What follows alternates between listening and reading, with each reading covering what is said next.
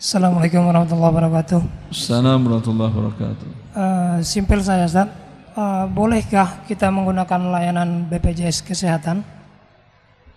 Terima kasih Ustaz. Allah barik Anda ikut mandiri atau dibayarkan oleh perusahaan? Uh, saya belum Ustaz.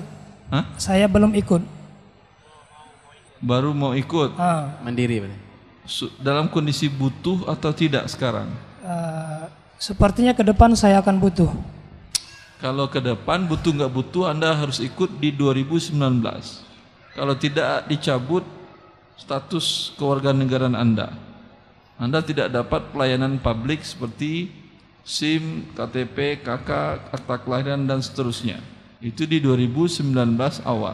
Maksud saya, ada keluarga Anda atau Anda sendiri yang dalam kondisi umpamanya kalau berobat dengan biaya pribadi dalam angka yang sangat besar Anda tidak mampu. Ada sekarang? Kalau seperti itu boleh Ustaz? Sekarang ada atau tidak? Belum belum ada. Ya udah. Berarti tidak ada kebutuhan darurat. Karena dia masih ada denda ribawinya. Denda ribawi tadi boleh dalam keadaan darurat atau dipaksakan oleh negara itu makanya nanti 2019. Uh, satu lagi Ustaz, saya pernah melihat instansi sunnah yang menggunakan fasilitas Apa? kesehatan. Instansi sekolah sunnah. Instansi sekolah su- Ya. yayasan sekolah Ya, sunnah. ya, Nah, terus yang menggunakan fasilitas tersebut. Itu bagaimana Ustaz? menggunakan fasilitas BPJS Kesehatan untuk BPJS? karyawannya. Kalau lembaga aturan negara sebuah lembaga atau pribadi yang mempekerjakan orang lebih dari lima kalau saya tidak salah itu wajib mengikut sertakan karyawannya ke dalam BPJS Kesehatan dan Ketenagakerjaan. Ini aturannya sudah berjalan di 2017. Kalau tidak mereka lakukan dicabut surat izin usaha atau berizin operasi sekolah dan yayasannya.